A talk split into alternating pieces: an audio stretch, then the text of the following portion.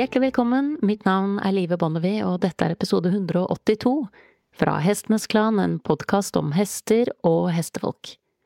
Dagens gjest Margrethe Lie har en bachelor i hestevitenskap, master i etologi og utdannelse som atferdskonsulent. Og dette her er del to av intervjuet med henne. Så dersom du ikke har hørt del én, så anbefaler jeg sterkt at du starter der. For vi går bokstavelig talt rett på sak.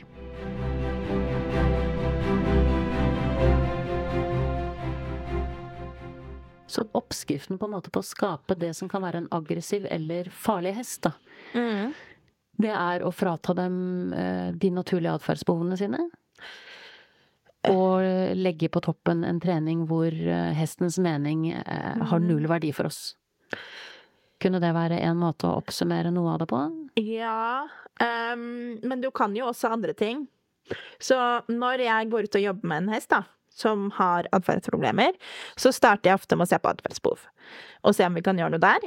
Og så neste er jo å se på smerte. Og veldig, veldig ofte så er det enten mangel på atferdsbehov eller smerte involvert. Eh, Men du har jo også noen tilfeller hvor det bare er eh, innlært. Hvor man rett og slett har lært hesten at den eneste måten, eller den beste måten, å få mennesket til å slutte å være ubehagelig på, er å flytte dem vekk, for eksempel.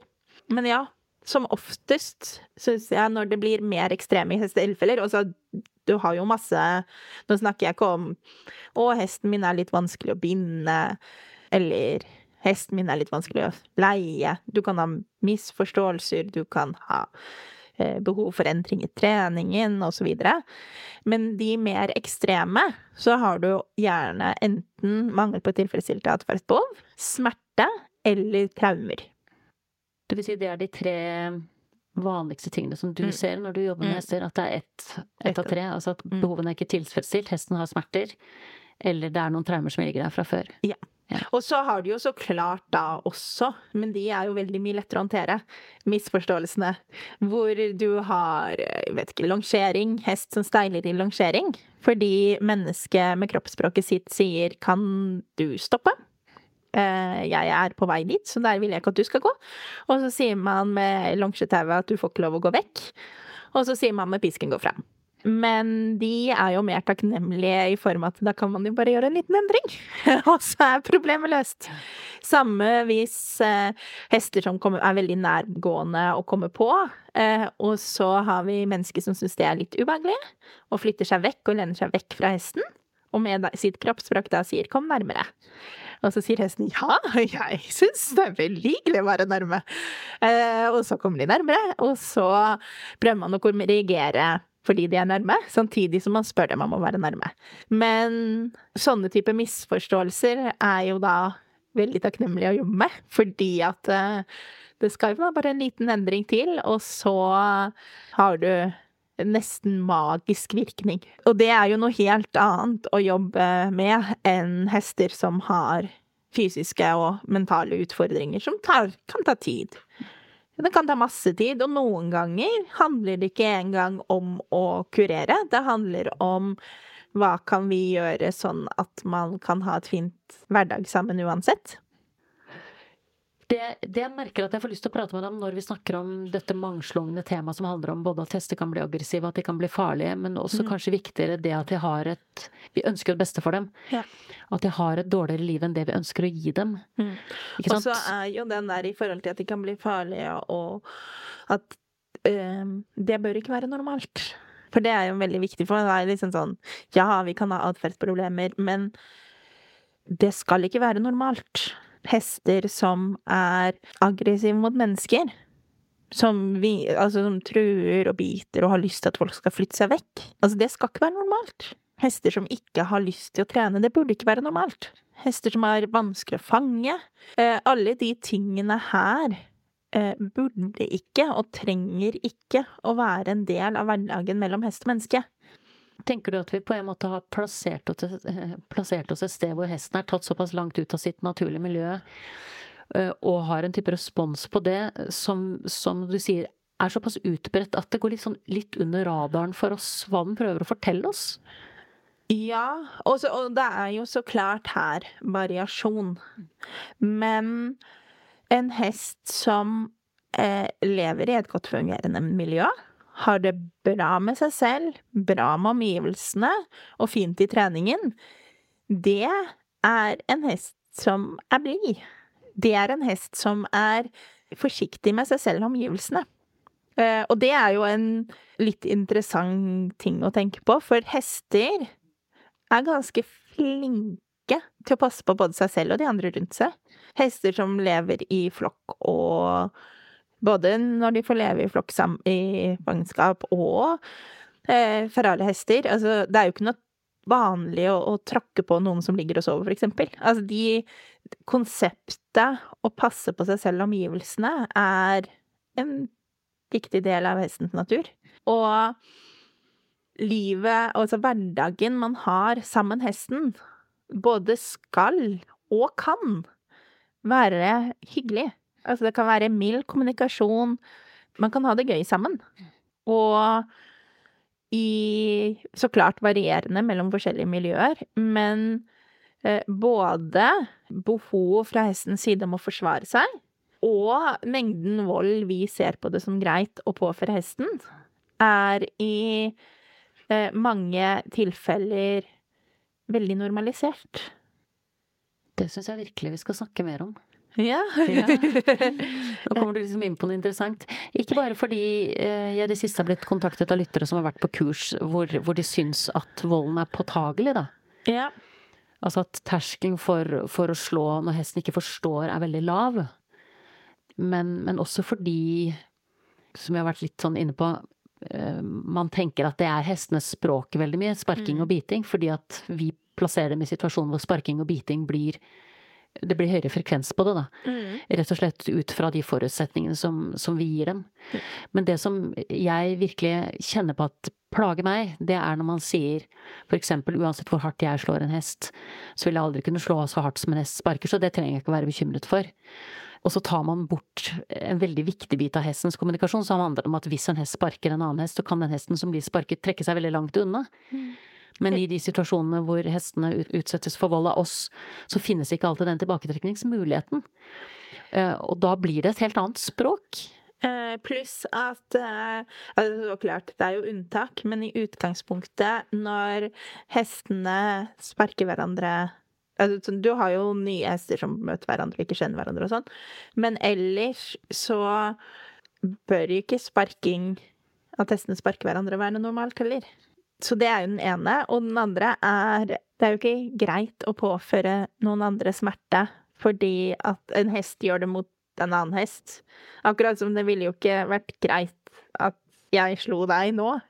Fordi at du var, gjorde et eller annet som var irriterende. Fordi det fins folk på jordkloden som gjør verre ting. Um, så uh, det er Det er jo ikke nødvendig. Man trenger ikke vold for å kunne gjennomføre hestetrening? Det ser ut til å være ganske mange som vil da protestere og si at jo, hvis ikke du har tydelig, konsekvent setter hesten på plass, så vil du ikke få det, det ytelsesnivået som flere ønsker seg, da. Mm. Og det, jeg syns det er en veldig interessant diskusjon å gå inn i. Altså si kan man ha et hestehold eh, som er fritt for vold, men allikevel føle at man i gåsehudene får det som man vil. Skjønner du hva jeg mener? Ja. Og da kommer jo neste spørsmål. Hvordan setter du opp situasjonen? For jeg tenker jo at altså det, altså det, er jo ingen situasjoner uten unntak. Noen ganger så må man gjøre det man kan for å forsvare seg og få sitt eget personlige rom altså, trygt. Hvis man blir gått på eller Ja. Men det er i relasjonen hest-menneske vår jobb å sette opp situasjonene sånn at vi får det vi vil. Så jeg kan si at jeg kan korrigere hesten for å gå på meg. Eller jeg kan lære hesten at jeg liker å ha personlig rom, og jeg vil at du skal stoppe på hva anstand stand jeg er komfortabel med. Jeg kan lære hesten å gå at når man går gjennom en port, så går vi gjennom den porten, snur, står og venter mens jeg fikser. Eller jeg kan åpne porten og se hva som skjer. Jeg kan lære hesten at når jeg kommer med hodelaget, så vil jeg at du skal senke hodet, står i behagelig høyde å ta på. Jeg vil at du skal ta imot bittet. Eller jeg kan holde fast hesten og tvinge opp munnen. Jeg kan se helsestell, da. Altså der eh, jeg kan vente til hesten trenger øyesalve, og de trenger øyesalve nå. Og så kan jeg holde fast hesten og ta øyesalve, eller så kan jeg lære hesten at hvis jeg tar på hodet ditt, så skal du stå stille og være myk. Jeg kan finne en eller annen måte å tvinge i hesten antibiotika eller markør. Eller jeg kan lære hesten å komme bort og ta markøren selv. Altså, sånn det overhodet ikke er noe problem å gjøre det løs. Jeg kan tvinge hesten på hengeren fordi jeg skal reise til noe sted. Eller jeg kan sørge for at før jeg reiser, så er hesten min rolig og komfortabel på henger. Sånn at det å si at vi må være hard for å få hesten til å gjøre det vi vil, det er jo Det er jo ikke riktig. Det vi må gjøre for å ha en hest som er trygg, komfortabel, å være rundt eh, og enkel å håndtere, er at vi må lære hesten hva vi ønsker. Og i hvert fall på ting som er smertefullt, så må vi lære det utenfor smertesituasjon. Og kan de det utenfor smertesituasjon, og man har historie på det, så kan de gjøre det meste. Kan du ta et, et konkret eksempel på akkurat det, med, med smerte? Sårrensing. Mm. På eh... Så hesten min Jeg kom på salen, hesten min har fått et kutt. Ja. Eh, som jeg ser at dette må faktisk gjøres noe med. Ja. Hvis du har lært hesten din å stå mens du holder på. Og da mener jeg Nå mener jeg stå som i en øvelse hvor du bruker positiv forsterkning. Jeg ber deg om å fryse. Du står, du får belønning for det. Eh, så kan du rense det kuttet løst. Og det er vanskeligere å jobbe med når hesten allerede Altså når det gjør vondt. Men det går da også. Og det gjør jo vondt.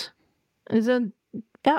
Hvis du klorer opp skorpe og dytter en sprøyte inn i Altså, det kan gjøre vondt, men du kan fremdeles lære hesten å stå fint. Så vil man tenke markur, da, som kunne vært en, en annen utfordring som jeg tror uh, mange har. Altså mm. hesten liker ikke smaken, rett og slett. Ja. Og som du sier, det er absolutt et alternativ å tviholde på det hodet og kjøre den så langt opp på siden i munnen som mulig, og bare mm. trykke hele tubben ut. Og holde munnen igjen til det på en måte er for sent å spytte det ut igjen. Mm. Det er liksom, det er én vei. Og da, da, er det liksom, det er gjort på et minutt. Det er slitsomt, men det er gjort. Hva kunne vært alternativet en sånn konkret uh, ting? som det. Den skal liksom tas et par ganger i året. Ja. For det, det jeg gjør Sånn på, som du jobber, ikke ja, sant? Det jeg gjør på marker, er at jeg først lærer dem å ta på markøren. Så lærer jeg dem å ha den inn i munnen.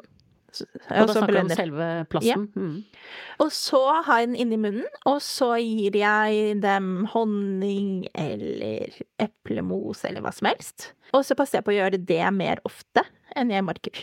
Og så passer jeg på at hver gang de får marker, så har jeg en belønning, og den er sterk. Så ja, det tar kanskje et minutt, men det er ikke alle hester det tar et minutt. Noen tar det lengre tid, hvis du må slåss mye. Eh, men, og det tar Ja, på ene her så tok jeg faktisk tiden, for jeg skulle filme det til et nettkurs. Han tok det tre minutter å lære å ta markuren. Og så tar det også nå et minutt å gi fem-seks hester markur. Hun trenger ikke å ha på grime, og det er hyggelig. Hva er en sterk nok belønning da for å veie opp for en hest som syns at det der smaker helt Som en unge syns at liksom hostesaft er vondt. Hva, hva, skal til på en måte for å veie opp for det som assessen tenker at det fortsatt er en god idé? Der er det jo igjen det der med atferd og kommunikasjon. Og på markur så Mitt inntrykk er at det smaker ikke veldig vondt. De som har litt historie på å ta markur pent Ja, hun ene ponnien her, hun pleier ikke å få sin egen markurfaske Hun får resten av de andre til riktig vekt, da. Hun kommer gående bort og sier ja, meg. Hun kan få om og om igjen. Eh, og hun vil heller ha den enn at noen andre får oppmerksomheten og få den. Eh, så markur er Syns jeg faktisk ikke virker så veldig problematisk. Antibiotika derimot, den er verre. Og der er det jo også avhengig av individ. En som fikk antibiotika her i sommer, han ville ikke ha gulrot. Ikke kraft for. men eple var greit. Eh, og da får han eple etter antibiotikaen. Eh, sånn at når han har gått på den kuren, så går det fremdeles an å gi han uten noen kamp siste dagen. Han snudde hodet litt vekk, og så sto han og så sånn synd på seg selv. Og så fikk han eple oppmerksomhet etterpå. Men det er jo krever jo forberedelse på forhånd. Eh, og kompetanse. Og kompetanse. Vi snakket jo litt om dette med vold, ikke sant. Altså, det er jo dette øh, veldig kjente ordtaket at når kunnskapen tar slutt, tar volden over. Mm. Altså at det er lettere, kanskje, å ta tak i hodet på hesten og tviholde mm. og kjøre markhuren inn, enn å prøve å tenke hvordan kan jeg faktisk lære hesten å, å ta den, da. Men du har jo også um, en annen viktig del som jeg tenker er mye viktigere enn å sette hesten på plass i forhold til trygghet. Det er at man ikke setter seg selv og hesten i situasjoner man ikke håndterer på forhånd. Eh, og som oftest kan man forutse det. Og det er min jobb å sette opp hva jeg tar med hestene mine på, sånn at det er noe de opplever at de håndterer. Og det er min jobb å legge opp treningen sånn at de lykkes. Og i eh, så stor grad som mulig så vil jeg passe på at de får til alt jeg spør om. Og både på da i forhold til at de føler seg komfortable med det, innridning for eksempel, det skal ikke være tilfeldig om hestens reaksjon på å ha på seg salen er å løpe rundt i panikk på ridebanen og bukke. Eller om reaksjonen deres er å stå og se på salen. Og si hm, hva er det? Det skal være hvordan jeg legger opp treningen. Det skal ikke være tilfeldig om reaksjonen med første gang med rytter på er å være helt rolig, eller om det er å ja, kaste av rytteren, løpe, bukke det er hvordan man setter opp. Sånn at det er vår jobb å sette opp hesten sånn at de får til oppgavene vi ønsker. Og det er vår jobb å lære hesten hvordan vi syns de skal oppføre seg. Så det at man tenker at vi skal være hyggelige og snille, og at treningen skal være myk, det betyr absolutt ikke at det skal være ubehagelige og farlige hester å være rundt. Det betyr det motsatte. Det betyr at vi har tatt og sett hva trenger jeg for at dette er en hyggelig ting å holde på med? Og så lærer man hesten å gjøre det. Jeg har høydeskrekk. Um, sånn at uh, Og så er jeg litt klønete. Og du har høye hester. Ja. Eh, så hva gjør man da, når man har en høy krakk? For altså, ja, jeg kommer meg jo opp på krakken og kan stå der og sånn, men det er jo litt ubehagelig. Da lærer man hestene stille seg opp, så man kan holde dem på mannen mens man går på krakken, og så tar de to steg videre, sånn at man kan gå opp i salen. Så slipper man å stå på denne høye krakken alene.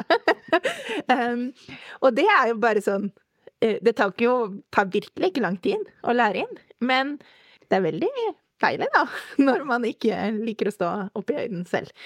Så det er hele veien å se hvordan skulle jeg ønske at hesten min oppførte seg, og så lærer man det. Eh, samtidig som man ser på atferd som kommunikasjon. Og eh, så klart, du kan jo se på da å nei, hvis hesten min har meninger, så får vi ikke gjort noen ting jeg syns er gøy. Ja, det, eh, det, er det du kan høre folk si. Ja. Hvis hesten min skulle fått lov å velge om den skulle trene eller ikke, så hadde jeg aldri fått ridd. Nei. Som eh, jo er litt interessant i seg selv. Det er litt interessant. For da har man jo på en måte en bevissthet på et eller annet nivå om at hesten kanskje ikke syns det er så god idé. Når jeg og, øh, Nå hørtes det kanskje litt krist ut, men det er bare i forhold til det trenger man det eller ikke. Når jeg går opp på oppgangskrakken, så tar hoppa øh, hun Pila som oftest humrer. Og det gir meg gjør meg tusen ganger mer lykkelig enn at vi gjør en eller annen fancy øvelse. Og noen ganger så betyr det at man må endre treningen, men hester liker å gjøre ting. Sånn at så lenge man er litt kreativ i hvordan man legger opp, så kan man oppnå ganske mye. Det som derimot ofte kan være en utfordring i forhold til det, ja, men da hadde vi ikke gjort noen ting, hester som eh, Jeg har sett det et par ganger. Det går over igjen. Men hester som er vant til overhodet ikke å ha noe valg. Og så får de masse valg. Noen blir hyperivrige og bare ja, jeg får bestemme, da vil jeg være med. Noen sier å, jeg kan si nei. Men da sier jeg nei, og jeg sier nei til alt. Det har enda ikke vært i et tilfelle hvor det ikke går over, men jeg har vært borti hester som bare i ett eller to år bare Nei. hva skjer hvis jeg sier nei? Hm. Kan jeg si nei? Jeg sier nei. De har også gått over igjen, og de hestene det har vært snakk om, der har de hatt veldig lite stemme selv før. Man har på en måte krysset og krysset og krysset den grensen, sånn at Ja, når, når, når de de, får ha den tilbake, grensen, så så holder de- de den. Ja. Ikke sant. Men det er vanligere at det at hestene har faktisk lov å ha en mening, gir motsatt effekt. Og så har du jo da det Altså at det å gi medbestemmelse gir en positiv effekt. Yes. Ja. Eh, og så har du også det at hvis man lærer hesten at du har lov til å ha meninger, og du kan kommunisere disse meningene, så blir det mindre ekstremt. Fordi at hvis du blir Når hesten opplever å bli hørt, så trenger de ikke å rope lenger. Og roping er sjelden behagelig å være i nærheten av.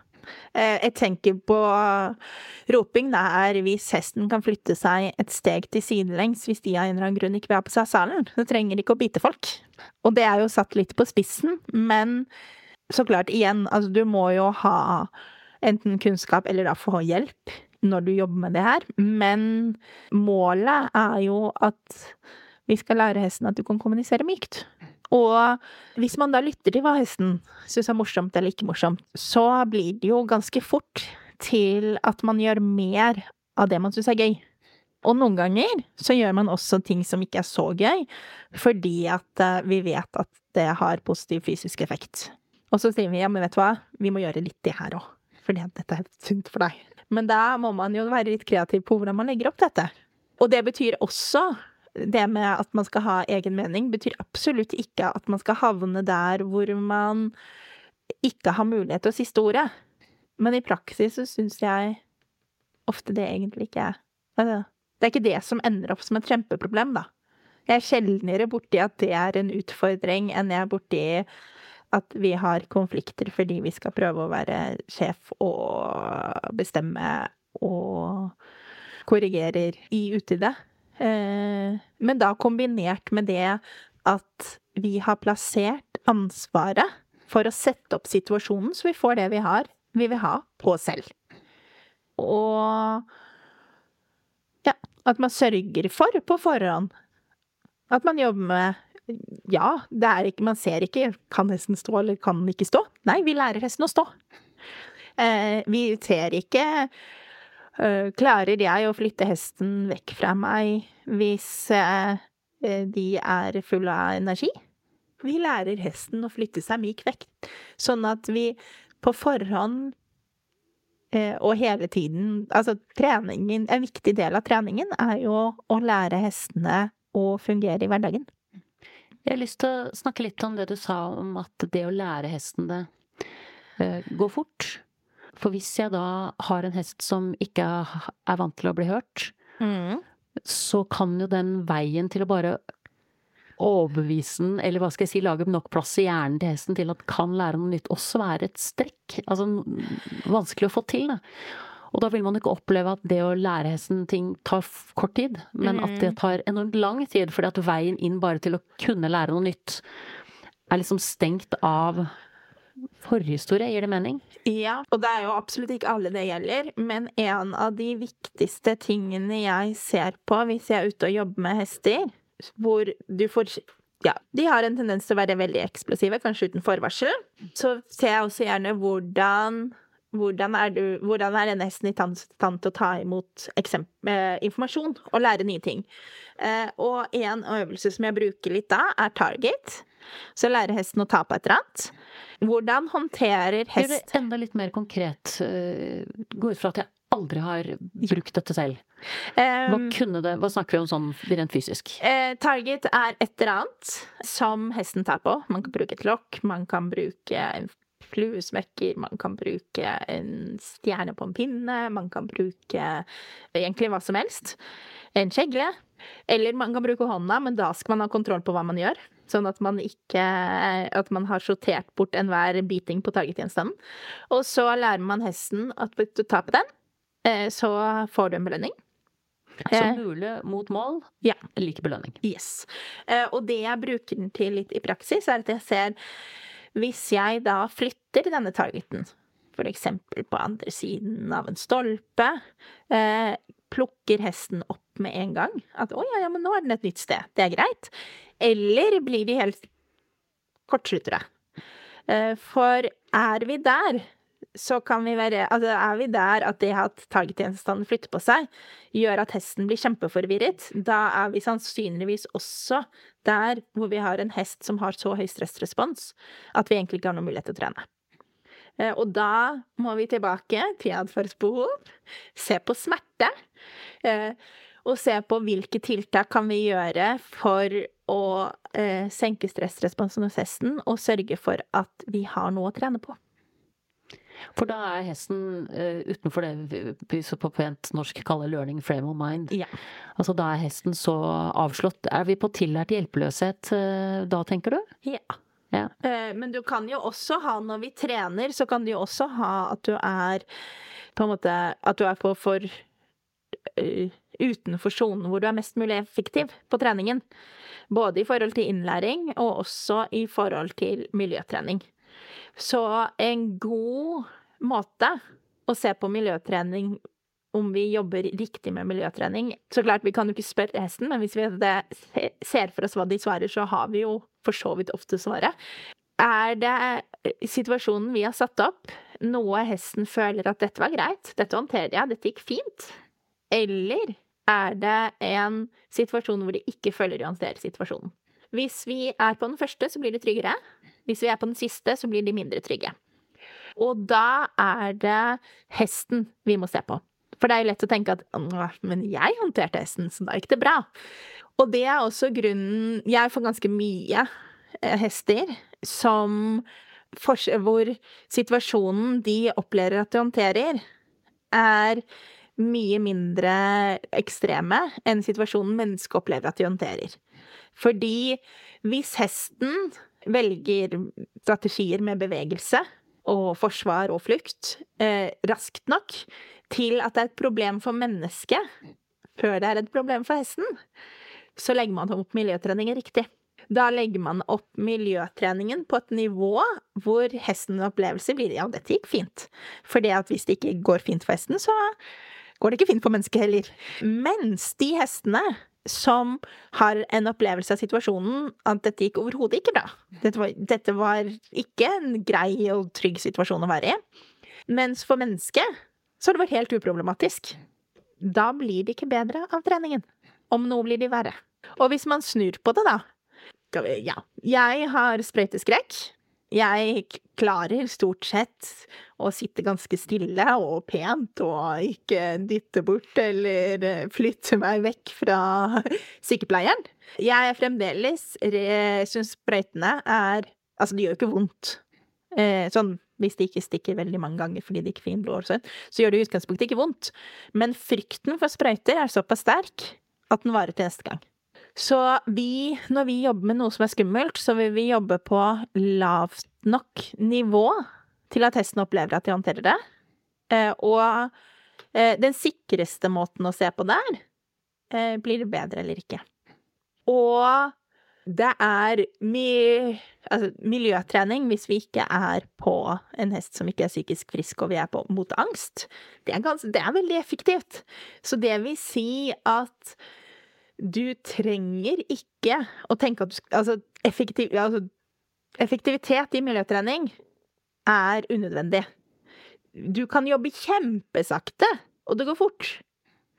Sånn at hvis man er usikker på om man pusher hesten for langt, del det opp så du gjør halvparten så mye. Om det er ved å øke avstand, om det er ved å ha mindre bevegelse hvis det er noe du beveger på. Fordi jobber du på lavt nivå, så går du uansett fort. Du har nettopp hørt episode 182 fra Hestenes Klan, en podkast om hester og hestefolk. Og del tre av dette intervjuet får du mandag neste uke. Og hvis du tenker at det er noen du kjenner som kunne hatt glede av dette intervjuet, for eksempel folk som eh, har kommet tilbake fra kurs og stilt spørsmål ved om hester er blitt behandla for hardt, eller eh, sliter med å navigere i forhold til hvor grensene går rent etisk for hva det er rimelig å be hester om, og hvilke måter vi ber dem om å gjøre ting på, så anbefaler jeg sterkt at du gjør din del av jobben og deler denne episoden. For jeg tenker en del av de tingene vi snakker om i dag, de er vel verdt å diskutere. Da gjenstår det bare for meg å takke min faste komponist Fredrik Blom, designeren av podkastens visuelle profil Ove Hals, min lyddesigner Stig Holte, min gjest Margrethe Lie, og sist, men ikke minst, så vil jeg som alltid takke deg, kjære lytter, for tålmodigheten. Måtte hesten for alltid være med deg.